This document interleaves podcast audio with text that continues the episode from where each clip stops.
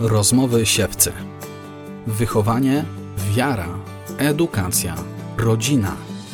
Zaprasza Jarosław Kumor. Szczęść Boże, witajcie kochani w kolejnej rozmowie siewcy cotygodniowej. Dzisiaj łączymy się e, z księdzem Arturem Kozikiem, e, który pracuje w Walii, jest duszpasterzem w parafii Jana Pawła II w Cardiff w Walii, to jest parafia Polskiej Misji Katolickiej w Anglii i Walii. Szczęść Boże. Szczęść Boże, witajcie. Będziemy rozmawiać e, o rzeczywistości duszpasterstwa na wyspach w porównaniu z duszpasterstwem w Polsce. E, zobaczymy, co nam się ciekawego uda z tego wyciągnąć. Być może w jakiś sposób za, zainspirować się tym, jak wygląda duszpasterstwo właśnie na wyspach, bo czasami możemy kompletnie nie mieć na ten temat pojęcia. No i oczywiście spojrzymy na to duszpasterstwo z perspektywy rodziny i tego, jak wygląda uczestnictwo w życiu religijnym rodzin na wyspach i co, co z tego możemy zaczerpnąć dla siebie w Polsce.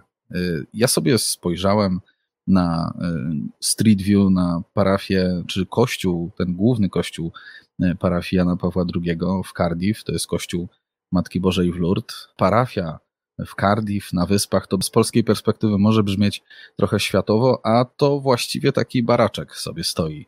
Prawda? Jak wygląda ta rzeczywistość duszpasterstwa na wyspach od tej strony? No to nasze parafie, które są tutaj parafiami personalnymi Wielkiej Brytanii, korzystają z tej infrastruktury kościoła brytyjskiego. Pożyczamy kościoły, które ci proboszczowie wierni chcą nam udostępnić i tak jest z sytuacją naszego kościoła w Cardiff. To jest kościół pod wyzwaniem Matki Bożej w Lourdes, przy którym kiedyś mieszkał brytyjski proboszcz, ale ze względu na to, że tych księży mają mniej, ta parafia została ileś lat temu połączona z główną parafią świętego Taylor. To też jest ciekawe, bo żyjąc tutaj na e, obcej niż Polska ziemi można poznawać różnych innych świętych, o których nigdy nie słyszeliśmy. I parafia świętego Taylor wypożycza nam ten kościół, jest właściwie do naszej dyspozycji. Oni mają tam mszę świętą w środę i w sobotę wieczorem z niedzieli, a normalnie korzystają z kościoła oddalonego o około 3 km, gdzie mieszka ich proboszcz. I to jest jeden, jeden z kościołów, tak? Generalnie parafia jest personalna, czyli po prostu nie obejmuje żadnego, żadnego obszaru. To trochę w ogóle inna rzeczywistość niż w Polsce. No to prawda, bo terytorialnie ci wszyscy ludzie mieszkają na terenach parafii, które, które są najbliżej nich, ale my jako Polska Misja Katolicka jesteśmy nałożeni na tą strukturę terytorialną parafiami personalnymi. Jeżeli ktoś chce do tej parafii należeć, to szuka sobie, gdzie jest jakiś kościół, w którym jest msza święta po polsku i czasem to wygląda tak, że ludzie przyjeżdżają do kościoła kilka, kilkanaście, a nawet kilkadziesiąt mil, jeżeli zależy im na tym, by uczestniczyć w mszy świętej w języku ojczystym. Jak to się stało, że y, ksiądz z, para, z, z diecezji, zdaje się katowickiej, jeżeli dobrze y, pamiętam, znalazł się na wyspach? Właściwie to ja zaraz będąc w seminarium już miałem takie pragnienie posługiwania gdzieś, gdzie księży jest mniej i moja historia wyglądała tak, że po trzech latach e, pracy w diecezji, pracy w dużej parafii w Katowicach, wyjechałem do Republiki Czeskiej, pracowałem tam kilka lat i wtedy urodziło mi się takie pragnienie, że można wyjechać jeszcze dalej.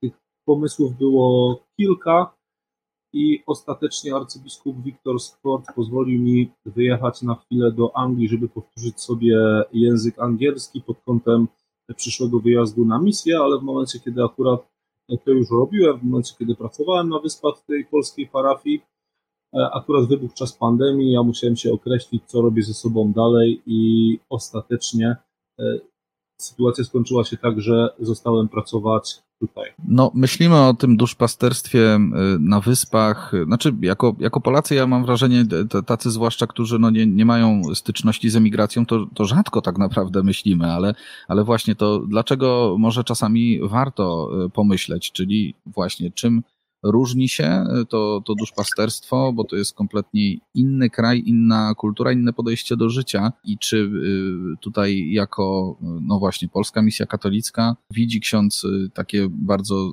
namacalne, mocne różnice, które sam ksiądz może odczuł, nie? Przyjeżdżając do, do Anglii. No to jest prawda, bo kiedy ja przyjechałem do Wielkiej Brytanii pierwszy raz, to było 16 lat temu, około, jako kleryk, to nawet nie wiedziałem o tym, że istnieje coś takiego jak polskie parafie. Byłem przekonany, że jeżeli ktoś wyjeżdża do obcego kraju, to też e, praktykuje swoją wiarę w języku angielskim. Więc dla mnie to było bardzo ciekawe odkrycie, że jest w ogóle coś takiego, że mamy taką możliwość, by skorzystać z sakramentu pokuty po polsku, być tam przy świętej po polsku. Na dzień dzisiejszy wygląda to tak, że my w ogromnej większości pomagamy praktyce wiary ludziom, którzy wyjechali do Wielkiej Brytanii w momencie, kiedy Unia Europejska otwarła drzwi Polakom, ale y, dzieci tych ludzi już to są dzieci, które mówią w pierwszej kolejności po angielsku, które myślą po angielsku i jestem takiego zdania, że nasza przyszłość polskiej misji katolickiej, księży polskiej misji katolickiej będzie wyglądać tak, że będziemy prowadzić te parafie też brytyjskie. Być może tam będzie msza po polsku. Choćby też dlatego, jeśli myślimy o przyszłości Kościoła, to patrząc na dzieci obecnych emigrantów, to oni raczej zostając tutaj będą się wiązać z partnerami anglojęzycznymi, więc jeśli myślimy o tym, że oni ich kiedyś przyprowadzą do chrześcijaństwa, to na pewno dużo łatwiej im będzie wtedy, kiedy oni będą też e, wiedzieć, jak się praktykuje w kościele angielskim. Zachęcam do tego w czasie odwiedzin duszpasterskich e, rodziców dzieci, żeby od czasu do czasu poszły ze swoimi dziećmi też na angielską mszę świętą, żeby to środowisko angielskiego kościoła nie było dla nich, dla tych dzieci czymś obcym właśnie pod kątem tego przyszłościowego wprowadzenia tam e, swojego partnera. Trochę ksiądz y, nam w tej chwili, mam wrażenie, tak porządkuje rzeczywistość, bo pewnie jest kompletnie inaczej, kiedy prowadzi się duszpasterstwo wobec y, Polaków, y, a zupełnie inaczej właśnie w kościele czy parafii katolickiej, ale brytyjskiej. Jeżeli ja bym, ja bym wyjechał i, i poszedł na mszę do brytyjskiej parafii, to co by mnie uderzyło potencjalnie? No jedną z takich pierwszych rzeczy, które mnie zaskoczyły w brytyjskim kościele, to był moment e, rozdawania komunii świętej, gdzie podchodziło się do księdza po to, żeby przyjąć ciało Chrystusa, ale obok niego stali akolici, czasem to były nawet akolitki, które trzymały dwa kielichy z winem. Można było też podejść, by, e, by, by napić się krwi Chrystusa. Potem na czas pandemii to w wielu miejscach zostało, zostało zawieszone. To była jedna z takich rzeczy, która, która mnie dość, dość mocno zaskoczyła. E, w tych parafiach wielkomiejskich to też było dla mnie takie zaskoczenie, bo, bo byłem przyzwyczajony do tego z Polski, że no, kiedy idziemy do kościoła, to jesteśmy odświętnie ubrani, to jest dla nas bardzo ważny dzień, a czasami wyglądało to tak, jakby ci ludzie weszli do kościoła po prostu idąc na jakiś mecz albo wracając z jakiegoś meczu w koszulce swojego klubu, więc e, to było dla mnie zaskakujące paręnaście lat temu, ale widzę, że niestety my Polacy też już zaczynamy iść w tą stronę, nie? że tej mszy świętej, tej mszy świętej nie traktuje się wyjątkowo, choćby pod takim względem odświętnego ubioru. A te dzieci e, już e, praktycznie no, mówiące i myślące po angielsku, to jest jakiś obszar księdza pracy duszpasterskiej? Z nimi ma ksiądz kontakt, czy oni już są tacy wsiąknięci, tak to nazwę, w tą rzeczywistość brytyjską, która też często jest taką rzeczywistością laicką, tak sądzę. Tak, to jest prawda i to jest jedna z takich różnic właśnie w praktykowaniu wiary, że wiara chrześcijańska już nie jest tutaj częścią jakby kultury, nie jest, nie jest, nie jest tym powietrzem, którym oddychamy. Do tego jeszcze mogę za chwilę, za chwilę wrócić. No, myślę, że można to dopełnić. Właściwie tym też tak pomyślałem. W Polsce jest coraz y, bardziej idziemy w tę stronę też tak naprawdę. Tak, to jest no. prawda. Ja pracuję z tymi dziećmi przy Komunii Świętej i w momencie, kiedy zapisuję dziecko na, na kurs pierwszej Komunii Świętej, staram się zobaczyć, na ile to dziecko mówi i rozumie po polsku, bo jeżeli tak jest, to rzeczywiście widzę, że ta nasza praca będzie miała sens. Nie? Jeżeli tak nie jest, to proponuję rodzicom, żeby jednak poszli z dziećmi do kościoła, gdzie to przygotowanie będzie, będzie po angielsku, albo wrócili za rok, kiedy dziecko poprawi swoją znajomość języka polskiego. Nie? Ale no musimy sobie powiedzieć, że jeżeli są to dzieci, które się tutaj urodziły i wychowały i tak rozmawiają w szkole ze swoimi rówieśnikami, to dla nich bardzo często ten język angielski jest, jest, jest językiem pierwszym. Owszem, rodziny wykonują świetną pracę w domu, jeżeli z dziećmi rozmawiają. Jest tutaj też e, sieć szkół polskich, które działają w sobotę. To są takie dodatkowe zajęcia. dla dzieciaków. Kiedyś te szkoły właściwie wszystkie powstawały przy parafii. One mają często za swoich patronów świętych, tych samych, których ma akurat ta konkretna parafia. Tylko, że dziś, zwłaszcza po pandemii, z wielu tych szkół zniknęły też zajęcia e, religii, które prowadzili bardzo często też księża, księża Polacy. To nie tylko jest związane z, z tym, że te szkoły nie chcą księży, ale to jest też związane z tym, że my mamy coraz większe odległości, żeby gdzieś dojechać na, na mszę świętą, czy gdzieś poprowadzić duszpasterstwo. I wyobrażam sobie, że może się, mogą się zdarzać takie sytuacje, że rodzice są wierzący, dzieci już tak y, odchodzą, gdzieś tam będąc właśnie wzrastając, w, wzrastając na wyspach i, i myśląc bardziej po angielsku już niż po polsku. To jest jakiś, jakaś bolączka polskich rodzin tam y, właśnie na emigracji? No owszem, to się zdarza, że y, te dzieci, kiedy już wchodzą w taki wiek nastoletni, już są tak, tak bardzo nasiąknięte tym, co się tutaj dzieje, że, że odchodzą od Pana Boga. No, ufamy, że dostali od swoich rodziców taki fundament, że kiedyś to się w nich z powrotem odrodzi. Zresztą, kiedy rozmawiam z parafianami, to bardzo często słyszę, nawet z takimi ludźmi, e, którzy już są dorośli, którzy są w 40, e, oni mówią, że ich nawrócenie się dokonało tutaj, w Wielkiej Brytanii, nie? więc z jednej strony wielu Polaków tutaj porzuca wiarę. Ktoś mi kiedyś powiedział, że moralność się tutaj zostawia na lotnisku, moralność z Polski się zostawia na lotnisku, ale też z drugiej strony dla wielu ludzi taki bodziec do świadomego przeżywania wiary to jest coś, czego doświadczyli tutaj, w tym miejscu. Nie? Więc e, tu odkryli Pana Jezusa, tutaj chcieli wejść w głębszą relację z Nim. Wobec tego też wierzymy, że jeżeli te dzieci dostały od swoich rodziców jakiś fundament, to być może za jakiś czas, być może po jakimś e, wartościowym trzęsieniu ziemi w ich życiu, oni z powrotem tą e, drogę do, do Pana Boga odkryją. Tak, moralność się zostawia na lotnisku.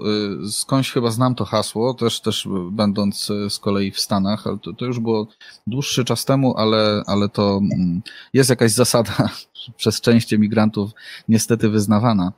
Y, natomiast z drugiej strony to jest bardzo ciekawe, że katolik, który był letnim katolikiem w Polsce, staje się gorącym katolikiem na wyspach. Y, sytuacja, y, w której jesteśmy w pewnym oddzieleniu od domu, od rodzinnych stron, może nas zbliżyć do Pana Boga, prawda? Dlaczego się tak dzieje? Skąd to się bierze? No to jest prawda i być może to się dzieje właśnie z tego, że kiedy widzę, że jakieś moje plany się rozpadły, moje marzenia, z którymi tutaj przyjechałem, być może też jakieś związki, na których budowałem swoje szczęście, swoje nadzieje, zobaczyłem, że to właściwie nie przynosi szczęścia, to, to zaczynam szukać gdzie indziej. Nie, jeżeli chodzi o, o tą kwestię naszego kraju Polski, gdzie wiara, tak jak Pan powiedział, jeszcze jest czymś, czym oddychamy, ale już właściwie też się to zmienia, no to tu jednak trzeba bardziej się nad sobą zastanowić i sobie powiedzieć tak, ja chcę być na niedzielnej mszy świętej, ja to wybieram. Ja sobie organizuję czas tak, żeby na tej mszy świętej być. Od wielu parafian słyszę nawet to, że oni proszą w pracy o to, by mieli niedzielę wolną, właśnie po to, żeby to mógł być dla nich dzień, kiedy przyjdą na mszę świętą. Więc to akurat są takie postawy, E, które, które mogą budować i to są takie, takie postawy, które, e, które pokazują, że jest w tym człowieku wiara, ale nie jako jakiś dodatek, ale jako coś, co jest w centrum jego życia, jako coś, co jest dla niego bardzo ważne. To, co my czasami słyszymy, i to też jest ciekawe, e, że nasi parafianie mówią nam, a w mojej parafii robi się to tak, a mój proboszcz robi się to tak. I to są czasami ludzie, którzy żyją już tutaj kilka, kilkanaście lat ale cały czas w nich jest takie poczucie jakiejś tymczasowości, nie? że ta prawdziwa ich parafia to jest tam, gdzie się wychowali, tam, gdzie być może jeszcze mieszkają ich rodzice. Nie? I jest coś takiego w człowieku, że okej, okay, żyję tutaj, ale, ale te moje korzenie są, są gdzie indziej. Mhm. No ciekawe to jest, tak. Powiedzmy jeszcze, czy wróćmy do, do tych różnych praktyk, zwyczajów w ramach duszpasterstwa na wyspach. Które być może moglibyśmy w ogóle prze, przeszczepić, mogą one być po prostu dobrym pomysłem dla nas w Polsce. Pamiętam gdzieś poza, poza nagraniem mówiliśmy o święconce, która w, w Anglii odbywa się czy święcenie pokarmów w niedzielę wielkanocną. Z czego to wynika? Czy to, to nie jest właściwie bardziej prawidłowe niż Wielką Sobotę? Jestem przekonany, że to jest prawidłowe, bo tak wyglądał w ogóle moment poświęcenia pokarmów, kiedy Kościół przeżywał liturgię paschalną, zmartwychwstanie Pana Jezusa. Jeszcze 60 lat temu to się przeżywało w sobotę rano. No to wierzący po mszy świętej mieli pobłogosławione pokarmy i potem wracali do domu i kiedy w niedzielę rano świętowali już zmartwychwstanie, to wtedy dzielili się pokarmem, ale w momencie, kiedy liturgia zmartwychwstania została przełożona na sobotni wieczór, to akurat Kościół w Polsce zostawił ten zwyczaj e, błogosławienia pokarmów na, na sobotę w ciągu dnia. Równocześnie w Republice Czeskiej, gdzie pracowałem, tam akurat to było sprawnie zrobione, bo ten moment pobłogosławienia pokarmów został przeniesiony na niedzielną mszę, więc ludzie, którzy przychodzili w niedzielę rano świętować zmartwychwstanie, mieli pobłogosławiony koszyczek i mają to tak do dzisiaj, nawet jeżeli tam msza jest o godzinie 11, nie traktuje się tego jako śniadania, bo, bo to się traktuje jako po prostu wielkanocny posiłek. Jest to jakby druga część e, celebrowania zmartwychwstania. Byłem na mszy świętej, przyjąłem ciało Chrystusa, mam pobłogosławiony pokarm, idę to teraz, e, idę teraz razem z moją rodziną świętować w domu, a jeszcze piękniej byłoby i to byłoby ideałem, gdyby ten koszyczek był takim motywem ewangelizacyjnym, że idę się podzielić z moimi sąsiadami, którzy mieszkają obok mnie, być może są niewierzący, i ja wtedy im powiem o tym, dlaczego tam jest jajko, dlaczego tam jest chleb, dlaczego tam jest mięso. Więc y, my dzisiaj w Polsce mamy już taką sytuację, że wielu ludzi traktuje to jako właściwie jedyny świąteczny obowiązek, być może nawet wypełniający pragnienia na e, pragnienia religijne na kilkanaście miesięcy, e, ale trzeba powiedzieć, że wielu ludzi też e, już tego nie wiąże ani z wiarą, ani tego symbolu nie rozumie. Bo dla mnie to też było dość smutne doświadczenie, kiedy prowadziłem katechezę przy, przy okazji tego błogosławienia koszyczków. Pytałem dzieci, dlaczego tam jest jajko? te dzieci nie wiedziały, czyli, czyli tam już właściwie możemy powiedzieć, jest problem nie tylko z wiarą, ale jest też ogromny problem ze zrozumieniem tej symboliki, czyli to się powtarza po prostu w rodzinach co roku, ale bez jakiejś takiej refleksji. Nie? I też myślę, że naszym zadaniem jako Kościoła, jeżeli wyjaśniamy Słowo Boże, jeżeli nauczamy o sakramentach, jest też e, właściwe przedstawianie naszych tradycji, tak żeby one były czymś żywym i żeby one były czymś, co nam pomaga świętować, a nie są tylko miłym obyczajem, który być może dodaje uroku tym świętom i też e, być może zaspokaja w jakiś sposób naszą e, potrzebę religijności, nie? W, taki, w taki sposób dość fałszywy. Tak, no właśnie. Staram się, robić, e, staram się to robić i też staram się mówić brytyjskim księżom, dlatego że jeden z księży powiedział mi kiedyś, Polacy są bardzo pobożni, wyobraź sobie, że przyszli w sobotę do kościoła do nas, cały kościół ludzi poświęcić jajka. Ci księża nawet nie wiedzieli w ogóle, co to jest, więc Polacy ich uczyli tego obyczaju. Oni się czasami pytali, jak to się robi, na czym to polega. Tylko, że dla brytyjskich księży to raczej było takie myślenie, że to jest coś, co Polacy robią dodatkowo, a nie, że to jest jedyna rzecz, którą robią. Nie? Dlatego, jeżeli my tak naprawdę chcemy, żeby to był zwyczaj, który nas przyprowadza do Pana Boga, i żeby to był żywy zwyczaj, to mielibyśmy go wprowadzić z powrotem na, na to właściwe miejsce. No właśnie, to nam się y, utarło w Polsce, y, na przykład święcenie pokarmów w Wielką Sobotę i myślimy, że to właściwie jest nieodłączny element Wielkiej Soboty, tak sobie to możemy wyobrazić. Czy są jakieś inne elementy, które dla takiego y, przysłowiowego brytyjskiego księdza byłyby jakimś w ogóle totalnym zaskoczeniem? No ja bym, ja, ja bym troszeczkę to pytanie obrócił, bo, bo była taka rzecz, która mnie zaskoczyła w brytyjskim kościele, kiedy poprosił mnie ksiądz, który przygotowywał do Komunii Świętej Dzieci, żebym przyjechał mu pomóc w czasie spowiedzi i to był listopad albo grudzień. Byłem bardzo zdziwiony, że w listopadzie lub grudniu już się spowiada dzieci, że oni już kończą to przygotowanie w tym momencie, a okazało się, że oni to przygotowanie właśnie zaczynają że zaczynają przygotowanie dzieci pierwszą spowiedzią. Potem trwają te katechezy i potem jeszcze jest jedna spowiedź tuż przed samą komunią świętą w tym normalnym terminie maju-czerwcu. Zastanawiałem się skąd to jest i doszukałem się, że to był program przygotowania do komunii świętej, który został zaproponowany ponad 100 lat temu przez e, papieża świętego Piusa X. I kiedy dzisiaj mam taką refleksję na ten temat, to wydaje mi się, że to miało sens, bo tam jest nawet napisane, że do Komunii Świętej dopuszcza rodzic i spowiednik. Oni widzą, kiedy to dziecko jest, jest gotowe. E, tylko, że 100 lat temu miało to o tyle więcej sensu, bo te rodziny były praktykujące, te rodziny rzeczywiście żyły wiarą, dziecko uczyło się od swoich rodziców, jak zrobić rachunek sumienia, jak iść do spowiedzi. Rodzic temu dziecku pokazywał swoim przykładem, a my dzisiaj po 100 latach tego nie mamy. Nie? Mamy dzisiaj bardzo wiele e, rodzin, które przyprowadzają swoje dzieci i w polskim kościele, i w angielskim kościele. Przyprowadzają do Komunii Świętej jak do przeskoczenia jakiegoś pewnego poziomu, ale to nie jest normalny, to nie jest normalny sposób rozwoju wiary. Nie? To jest po prostu sakrament do, do zaliczenia. Ma być komunia święta i teraz będzie e, spokój do, do bierzmowania. Więc e, gdybyśmy się zapytali takich rodziców, czy zgodnie z tym, co proponuje Pius X, e, czy uważacie Państwo, że Wasze dziecko już jest gotowe do przyjęcia komunii świętej? To pewnie większość z nich by powiedziała tak, bo ma 9 lat. Nie? Ale czy za tym idzie już właśnie taka świadomość, to, to, to o czym pewnie myślał Pius X przygotowując ten projekt, że rodzice serio sami wkładają całe swoje serce i przykład swojego życia, żeby dziecko podprowadzić do Boga. To znaczy, że te spowiedzi, y, one były, y, nie wiem, pewnym odbębnieniem w takim wypadku, bo rozumiem, że jest to takie e, rozpoczęcie przygotowań poprzez spowiedź, no ale właściwie, no, czy ta spowiedź miała wtedy, czy ma wtedy jakikolwiek sens? No właśnie, to jest dobre pytanie o to, czy to dziecko jest wcześniej przygotowane przez swoich rodziców, którzy sami się spowiadają, czy to dziecko miało już wtedy jakąś taką e, katechezę domową.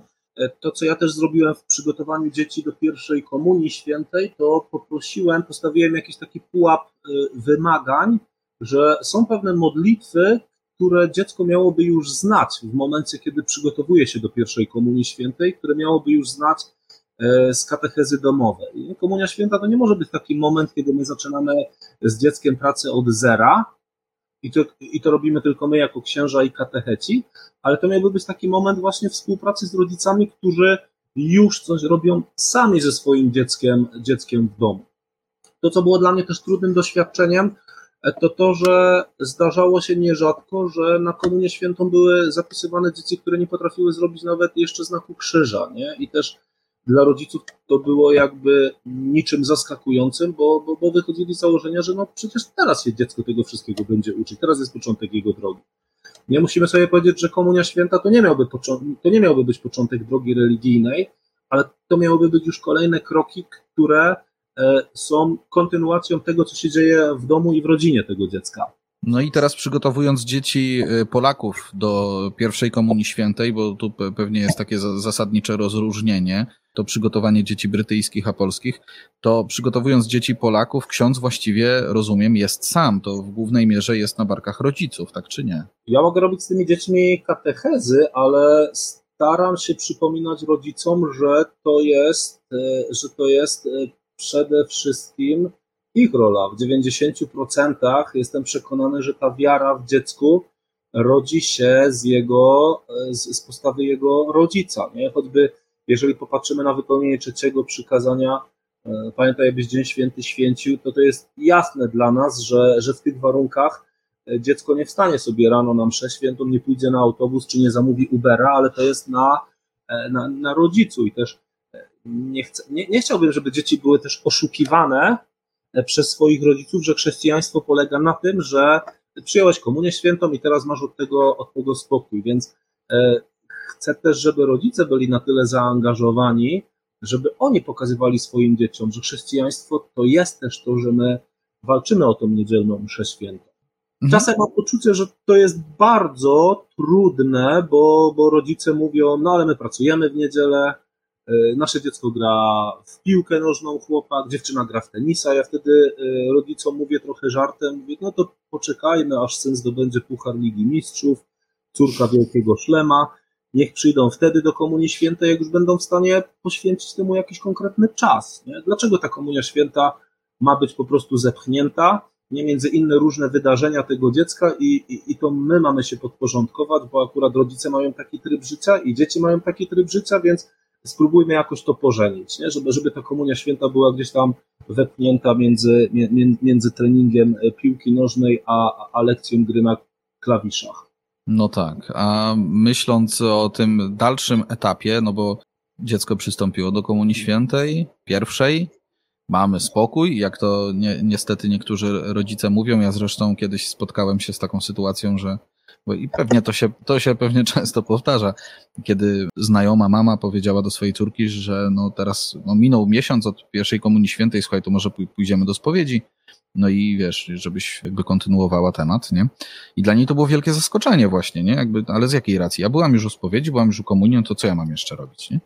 No to, to, to jest jedno, ale to jest prosta droga do tego, żeby też pewnie bierzmowanie było takim momentem zupełnie mówimy przysłowiowo po, po, momentem pożegnania z, z Kościołem. Nie lubię tego stwierdzenia, ale, y, ale takim też płytko przeżytym y, czasem.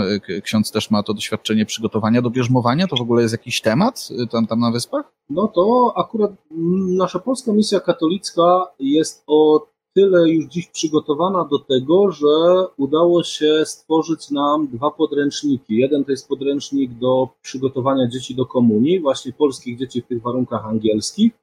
Tam są również stawki po angielsku i drugi podręcznik jest przygotowany do przygotowania do bierzmowania, więc od takiej e, strony katechetycznej mamy te materiały całkiem dobre.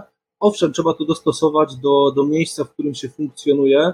Ja akurat odpowiadam za parafię w Kardi w drugi rok i po rocznym przygotowaniu do bierzmowania zrobiłem sobie parę refleksji i jedna z tych refleksji jest taka, że to przygotowanie do bierzmowania wydłużyłem z rocznego na półtora roku, ale po zapisach młodzieży na bierzmowanie poprosiłem ich, że te pierwsze pół roku waszym jedynym zadaniem jest to, że uczestniczycie w niedzielnej mszy świętej i regularnie korzystacie z sakramentu Komunii Świętej, z sakramentu spowiedzi, regularnie przychodzicie do Komunii Świętej, jesteście na mszy.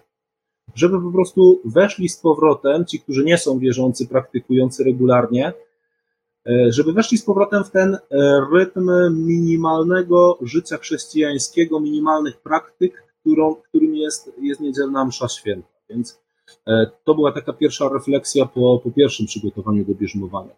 E, my się zastanawiamy dziś coraz częściej i wśród polskich księży, i wśród brytyjskich księży, czy tego przygotowania do Komunii Świętej również nie wydłużyć na, na dwa lata.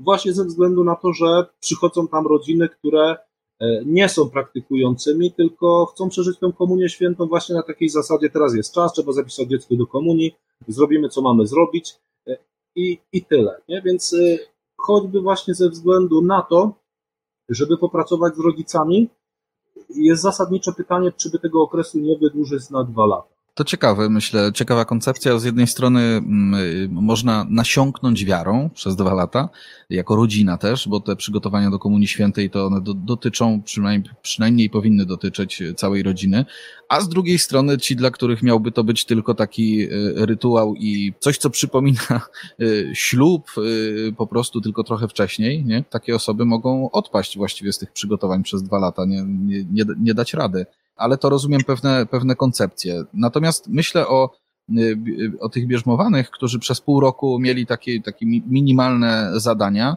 Jakie były tego efekty? Bo nam się może wydawać, no to niewiele, niewiele ksiądz wymagał od nich. Powiedzmy pierwsze jakieś małe kroki, ale to przyniosło taki efekt, jakiego ksiądz się spodziewał? Tak, jestem, jestem z tego zadowolony, bo, bo z tych osób, które, które się zapisały, właściwie, właściwie wszystkie zaczęły to, zaczęły to robić. Chociaż muszę też powiedzieć, że akurat zapisały się takie dzieciaki, które i tak wcześniej praktykowały ze swoimi rodzinami.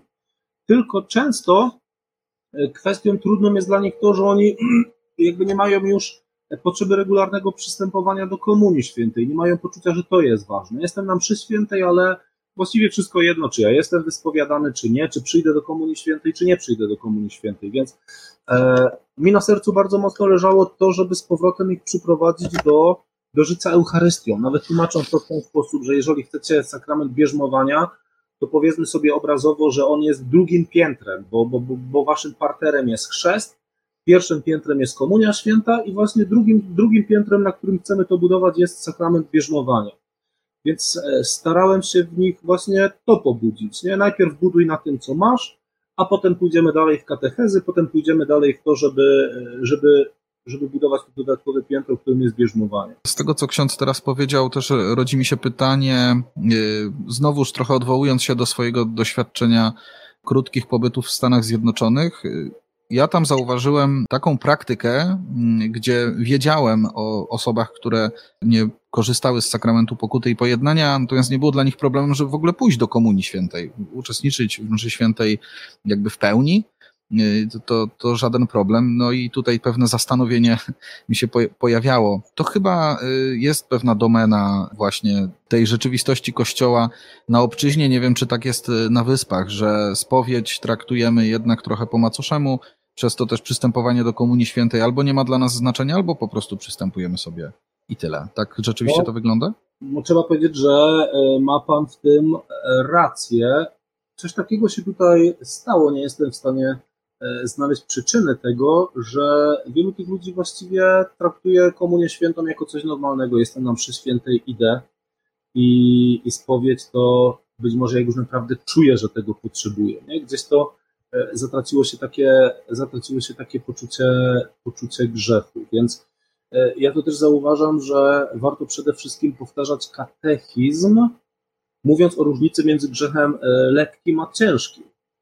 Proszę czasami spróbować zapytać kogoś, czy wie, jaka jest różnica między tym grzechem ciężkim a lekkim, nie? gdzie ten ciężki pozbawia nas stanu łaski uświęcającej. Mielibyśmy, zanim pójdziemy do, do Komunii Świętej, wyspowiadać się z niego, zobaczy Pan, że to odkrycie będzie często zaskakujące, bo okazuje się, że tak jak zapomnieliśmy jakieś e, rzeczy z fizyki, chemii, geografii ze szkoły podstawowej, tak samo wielu ludzi zapomniało o tym, nie? gdzie ta różnica jest i czasami tak po omacku sobie decydują. Dzisiaj jeszcze mogę iść do komunii, jutro już nie mogę iść do komunii, więc e, myślę, że jesteśmy też dzisiaj w takim miejscu, gdzie warto przypominać nawet dorosłym, tą katechezę na temat różnicy między grzechem e, lekkim a ciężkim. Patronką tej polskiej misji katolickiej w Anglii i Walii jest błogosławiona Franciszka Siedliska, siostra, która jest założycielką Zgromadzenia e, Sióstr Świętej Rodziny z Nazaretu, tak zwanych Nazaretanek. I to też jest bardzo ciekawa historia i w wielu momentach to mi czasami daje jakąś siłę i nadzieję, bo kiedy czytałem jej życiorys, ona żyła w XIX wieku na terenie zaboru rosyjskiego. Ona należała właściwie do takiej rodziny, gdzie ta, religi gdzie, gdzie ta religijność była dość obojętna, gdzie rodzice ją po prostu tylko wysłali na przygotowanie do pierwszej komunii świętej. Ona zresztą szła na to przygotowanie w wieku 12 lat. E, z tego co czytałem, tam nie było jakiegoś specjalnego zaangażowania ze strony rodziców, e, ale spotkała ciekawego księdza, który ją prowadził. To był kapucyn, nazywał się ojciec Leander Lędzian. I w jakiś sposób to w tej małej dziewczynce zaczęło tak wzbudzać wiarę, że chciała iść dalej, jeszcze dalej, jeszcze dalej. I potem, kiedy zdecydowała się na to, żeby zostać siostrą zakonną, to też trafiła na, na obczyznę i tam się też zrodziło w niej takie pragnienie ewangelizacji, wstąpiła do zgromadzenia zakonnego, potem założyła to zgromadzenie sióstr Nazaretanek i właściwie ona jest taką matką tej polskiej misji katolickiej w Anglii i Walii. Wobec tego, nawet jeżeli czasami spotykam y, dzieciaki, które należą do takich rodzin obojętnych religijnie, to staram się pomyśleć właśnie, no, oni są tacy jak ta Franciszka Siedliska za dziecka, nie? Więc jeszcze mhm. coś dobrego z tego kiedyś może, może być. Więc to akurat jest takie e, światełko nadziei. Drugim takim ciekawym wątkiem jest to, że e, tu w Wielkiej Brytanii w ostatnich latach mieliśmy takie doświadczenie wielu przejść pastorów anglikańskich do kościoła katolickiego. Yy, nie wiem, czy pan o tym słyszał. Tak, w paru, paru, parę takich przypadków było też tak gdzieś medialnie nagłaśnianych. Aha. To była o tyle też ciekawa sprawa, że rozmawiałem z kilkoma z tych księżmi, którzy przeszli do kościoła katolickiego po, po kilkunastu latach bycia pastorami, przeszli razem ze swoimi żonami, dostali zgodę na to, żeby e, funkcjonować w kościele bez e, przestrzegania tej zasady celibatu. Jak z nimi rozmawiałem, było dla mnie bardzo ciekawe, e, co się takiego stało w człowieku, który się tutaj urodził w Wielkiej Brytanii, który dojrzewał w tej kulturze, żył, żeby nagle stać się członkiem Kościoła rzymskokatolickiego. I właściwie we wszystkich przypadkach było to, że oni mieli takie przekonanie, kiedyś my się połączymy z powrotem z Kościołem katolickim. Jesteśmy jakby siostrami, kiedyś do tego dojdzie. Oni bardzo głęboko w to wierzyli, ale widzieli, że ten kościół anglikański, który dzisiaj bardziej już chce się podporządkować człowiekowi, chce być taki bardziej otwarty dla człowieka, to się wiąże bardzo często z rezygnacją z jakichś wymagań, to się wiąże bardzo często też z tym, że przymyka się oko na to, co jest według nas grzechem, pozwala się na to w imię jakiejś takiej wolności, przyjęcia drugiego człowieka za wszelką cenę. Wiemy, że rezultat tego jest taki, że tych ludzi wcale w kościele nie mają więcej, bo, bo też zasadniczo, jeżeli ktoś przychodzi do kościoła i widzi, że to mu nie stawia żadnych wymagań, że to w żaden sposób nie jest dla niego bodźcem czy inspiracją do rozwoju czy do przemiany, to taki człowiek sobie może powiedzieć, na, odpowiedzieć na takie pytanie, no po co mi taki kościół, to właściwie, właściwie po nic. Mam wiele różnych innych miejsc, w których się mogę spotkać z ludźmi. Niemniej wracając do tych księży, to byli ludzie, którzy mówili mi, my często żyliśmy jak katolicy. Czytaliśmy katolickie pisma. Jeden z nich mówił mi, że czytał teksty Jana Pawła II, będąc w seminarium e, anglikańskim w latach 90. I jednak ten moment, gdy Kościół anglikański decydował się na takie radykalne kroki odejścia od tradycji katolickiej, był dla wielu z nich takim momentem przełomowym, że powiedzieli sobie, tak, ja, ja teraz chcę się stać katolikiem. Jeden z tych księży opowiadał mi taką historię, że kiedy wahał się, czy przejść na katolicyzm, czy nie, to w jakiś poranek, kiedy jeszcze miał taki, taki stan półsnu, E, usłyszał taki głos, teraz jest czas, żebyś się stał katolikiem. Napisał wtedy mail do biskupa rzymskokatolickiego, najbliższego tej parafii, gdzie on wtedy e, służył jako pastor.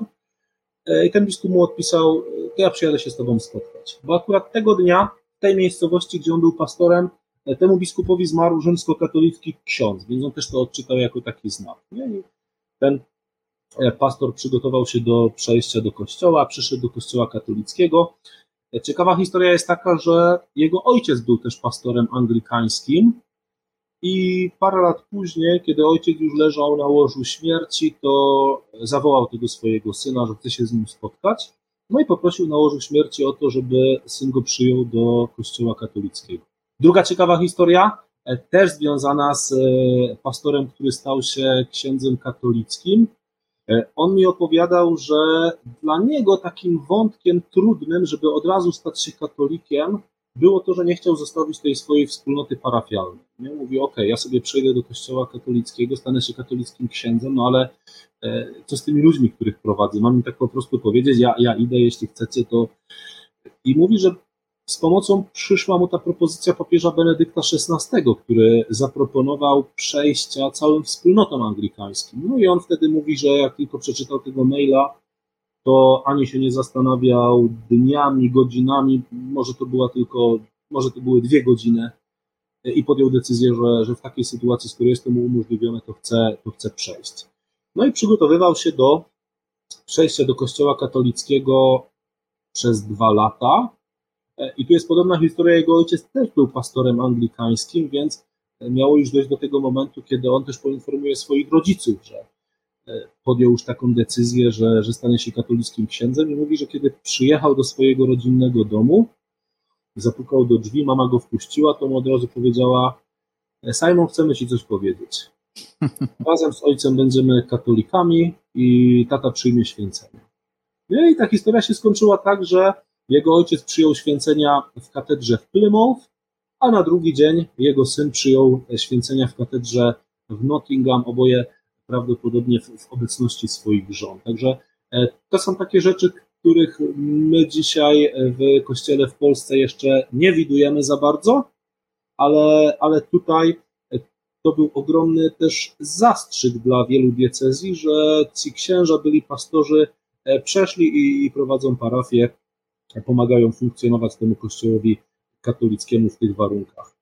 Mhm, tak, no pewne, pewnego rodzaju do, dobra nowina, bo może nam się wydawać, że okej, okay, my w Polsce jeszcze jako tako w tym e, katolickim świecie funkcjonujemy i jakby ta, jest to takie dla nas mocno tożsamościowe, kulturowe, a tam na wyspach to taka trochę orka na ugorze być może i tak dalej, nie? Natomiast nie zdajemy sobie często sprawy z tego, że kościół anglikański jest nam dość bliski, I tak, i te, te, te konwersje, one, one się, się pojawiają. To bardzo, myślę, takie pozytywne, to, co ksiądz mówi, pozytywne, takie ciepłe uczucia się rodzą jednak w sercu kiedy się słyszy takie historie. Bardzo dziękuję za, za podzielenie się taką rzeczywistością duszpasterstwa e, na wyspach. E, myślę dużo z jednej strony ciekawostek, ale z drugiej mam przede wszystkim taką nadzieję inspiracji dla nas do, do przeżywania wiary w Polsce, w trochę, w trochę innych jednak warunkach. Naszym gościem dzisiaj był ksiądz Artur Kozik z parafii Jana Pawła II w Cardiff w Walii, parafii w ramach Polskiej Misji Katolickiej w Anglii i Walii. Dziękuję serdecznie. Dziękuję również za zaproszenie. Pozdrawiam wszystkich słuchaczy. Życzę światła i radości w drodze kroczenia naszą wiarą. Rozmowy siewcy dostępne są na naszym portalu siewca.pl oraz w serwisie Spotify.